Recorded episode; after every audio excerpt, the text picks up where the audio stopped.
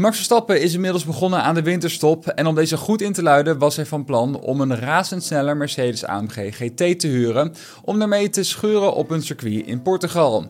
Dit ging alleen niet helemaal zoals gepland. Hoewel veel van de coureurs juist even van het racen weg willen, blijft Verstappen graag actief in zijn hobby. Hij was in Portugal en wilde daar een Mercedes AMG GT huren op Faro Airport. Max was van plan om samen met zijn entourage richting het Autodromo Internacional do Algarve te gaan om daar rond te rijden, maar volgens de Sun mocht hij die auto niet huren. Verstappen is namelijk nog geen 30 jaar oud en kreeg de wagen dus wegens verzekeringsregels niet mee.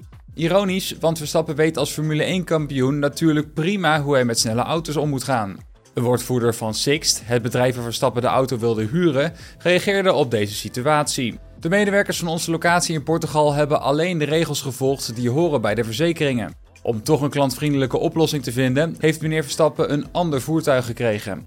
Toch erkent de woordvoerder dat het in de toekomst anders zal gaan. Er zijn natuurlijk speciale omstandigheden die een uitzondering op de regels rechtvaardigen. Dit is zo'n geval. We verontschuldigen ons aan meneer Verstappen.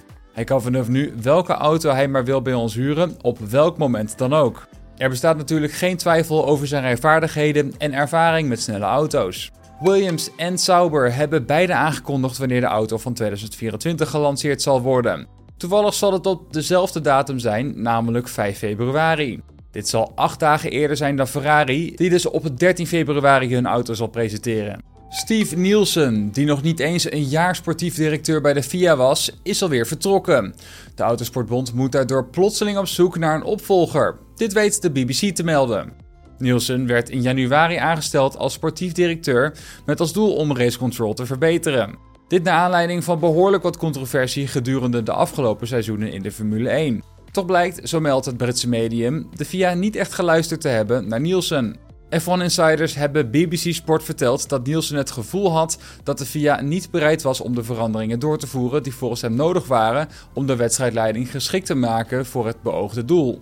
De coureurs, onder leiding van Grand Prix Drivers Association president George Russell, waren te spreken over Nielsen en vonden dat hij bezig was met problemen actief aan te pakken. Daarnaast werd Nielsen gerespecteerd door veel mensen binnen de paddock, maar dit bleek voor de FIA niet genoeg om zijn voorstellen te vertrouwen en door te voeren. De vraag is nu vooral wie zijn rol over gaat nemen vanaf januari, als deze rol überhaupt nog een onderdeel van de organisatie van de FIA gaat blijven. Ja, dit was hem alweer. Het GP Fancy Nieuws op Spotify. Volg ons eventjes en dan zie ik jullie de volgende keer weer. Doeg!